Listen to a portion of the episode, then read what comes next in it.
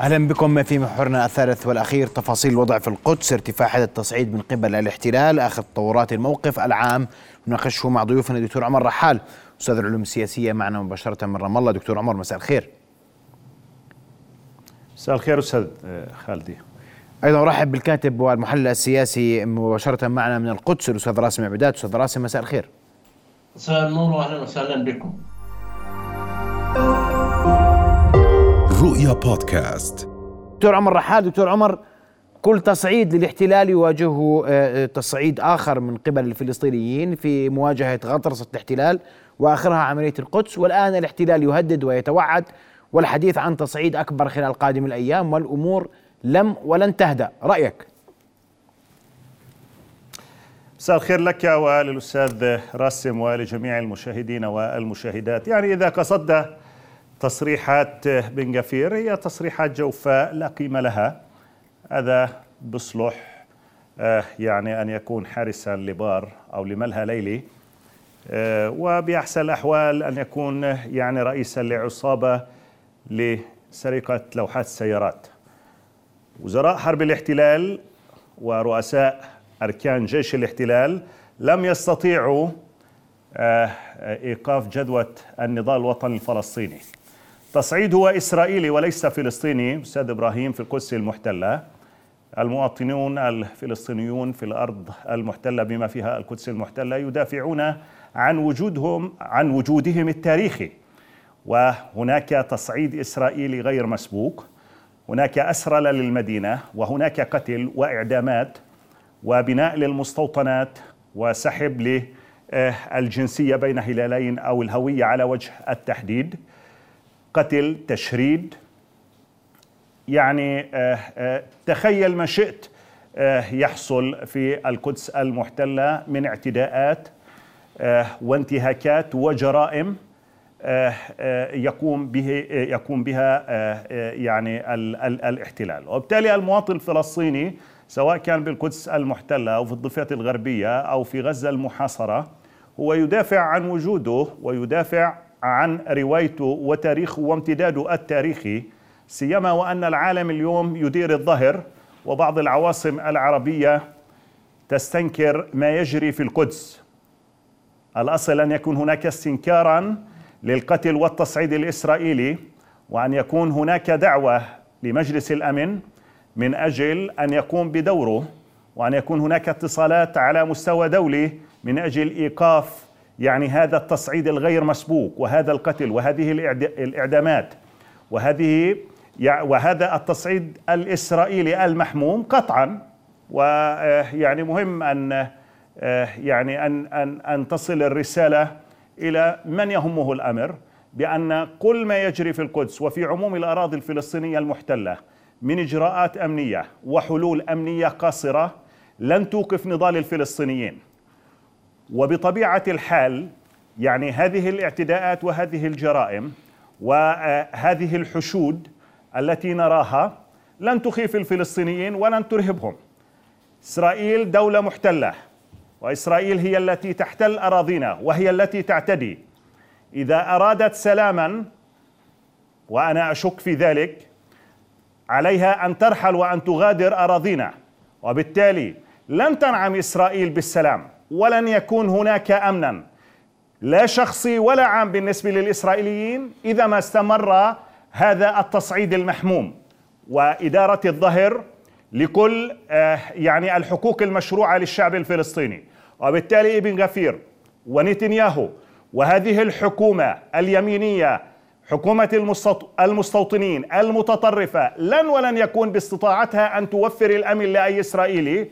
وبالتالي لن يكون بمقدورها أن تأتي بشرطي أو بجندي احتلالي وتضعه أمام كل منزل أو أو مع كل إسرائيلي محتل.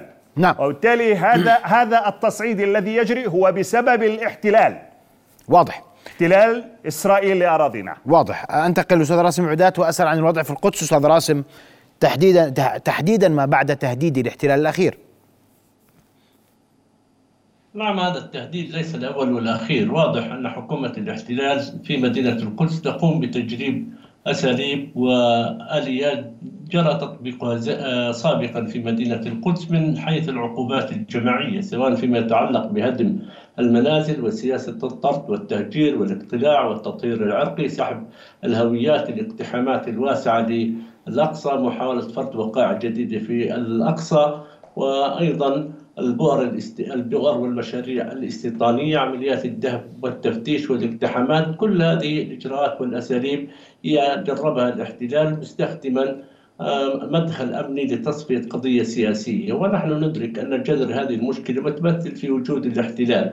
ولذلك هذا الاحتلال يصعد في متوهما بأنه بإمكانه أن يحسم الصراع آه، آه، أمنيا وعسكريا مع شعبنا الفلسطيني بالقوة ودولة الاحتلال تعيش أزمة سياسية عميقة بالإضافة إلى الأزمة المجتمعية وأنا أعتقد أن التحديات الداخلية والخارجية التي يواجهها نتنياهو ويدفع باتجاه تنفيذ الحالة حالة الغضب التي تسود المجتمع الإسرائيلي نتيجة المظاهرات الواسعة التي تجري ضده احتجاجا على سياسته وعلى خطة وزير قضائه يريف ليفين للسيطرة على المنظومة القضائية وبالتالي هو يريد أن يوحد الجبهة الداخلية ويريد أن يوحد الداخل آه، أن يوحد الموقف الإسرائيلي من خلال التصعيد مع شعبنا الفلسطيني في مدينة القدس. ولذلك كان هناك بعد العملية مباشرة قرارا بفرض عقوبات على 87 أسير فلسطيني سواء كانوا داخل السجون أو غيرها بمصادرة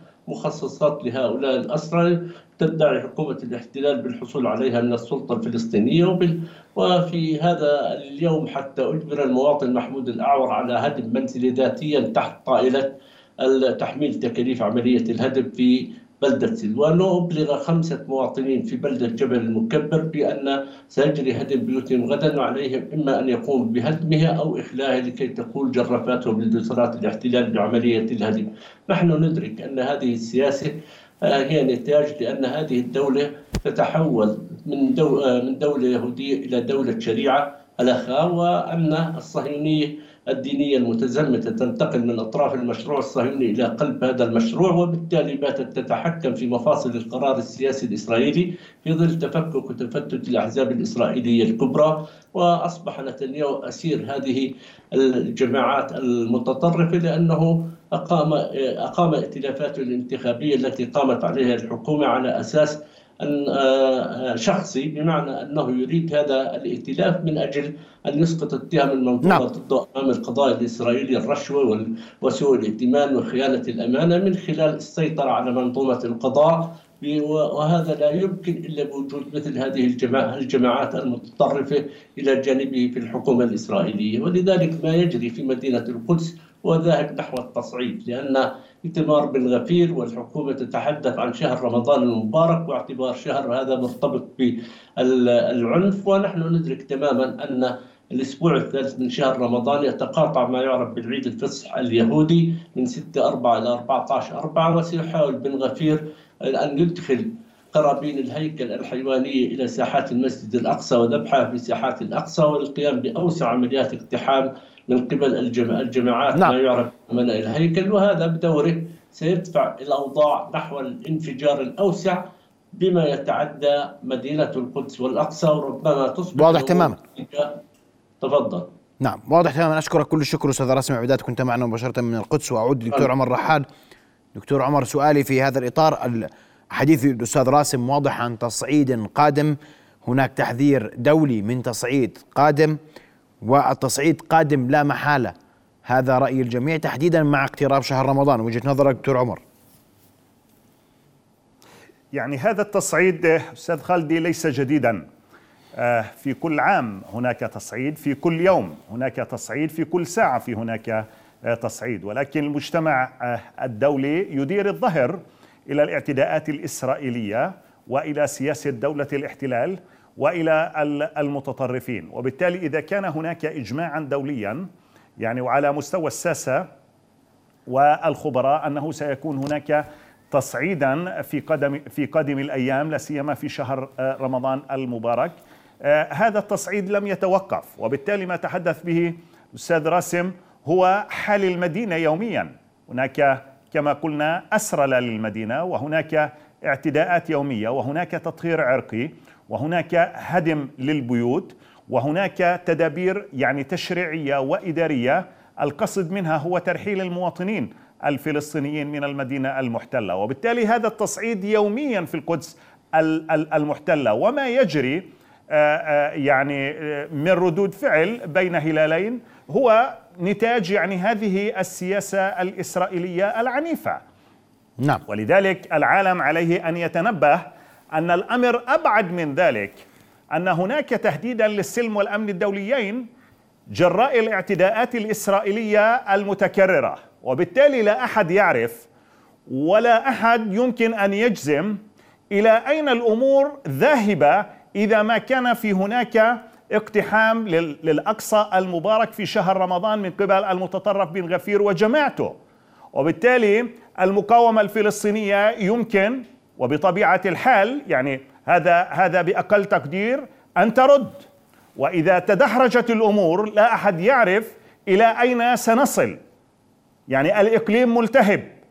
والأمور يعني تقف على شرارة إذا جاز التعبير.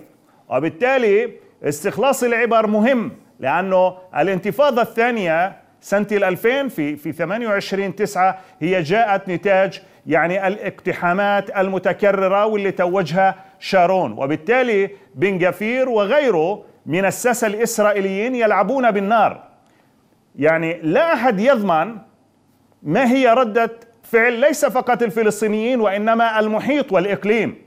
وبالتالي المجتمع الدولي مطالب أكثر من أي وقت مضى أن يتخذ إجراءات عملية على الأرض وأن يبادر إلى نزع فتيل الأزمة لأنه ما يجري كما قال الأستاذ راسم هو تطهير عرقي للفلسطينيين. وهناك أيضا حصار خانق وقاتل على قطاع غزة. وهناك استباحة للأراضي الفلسطينية وللمدن الفلسطينية قاطبة.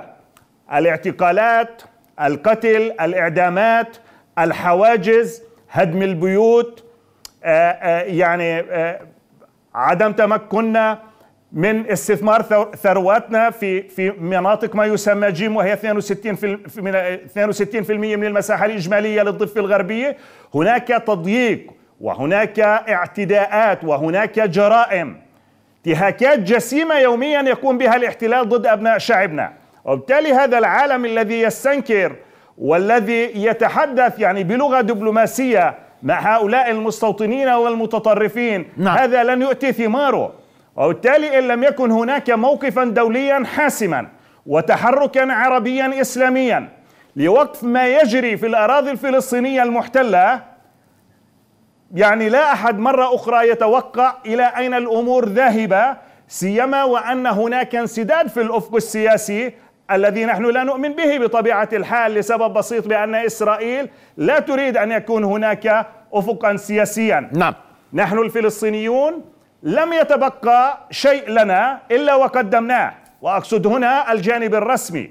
اذا شعبيا سيكون هناك موقف آخر لذلك من الأهمية بمكان أن يكون هناك التقاط لهذا لهذا الموضوع والا يكون هناك انتظار واضح. كما انتظر العالم نعم. أكثر من 74 عام. نعم أشكرك كل الشكر أستاذ العلوم السياسية. كنت معنا مباشرة من رام الله دكتور عمر رحال تحذر وتنوه لأن القادم أعظم إذا لم يتدخل الجميع لوقف هذا الاعتداء السافر من الاحتلال. رؤيا بودكاست.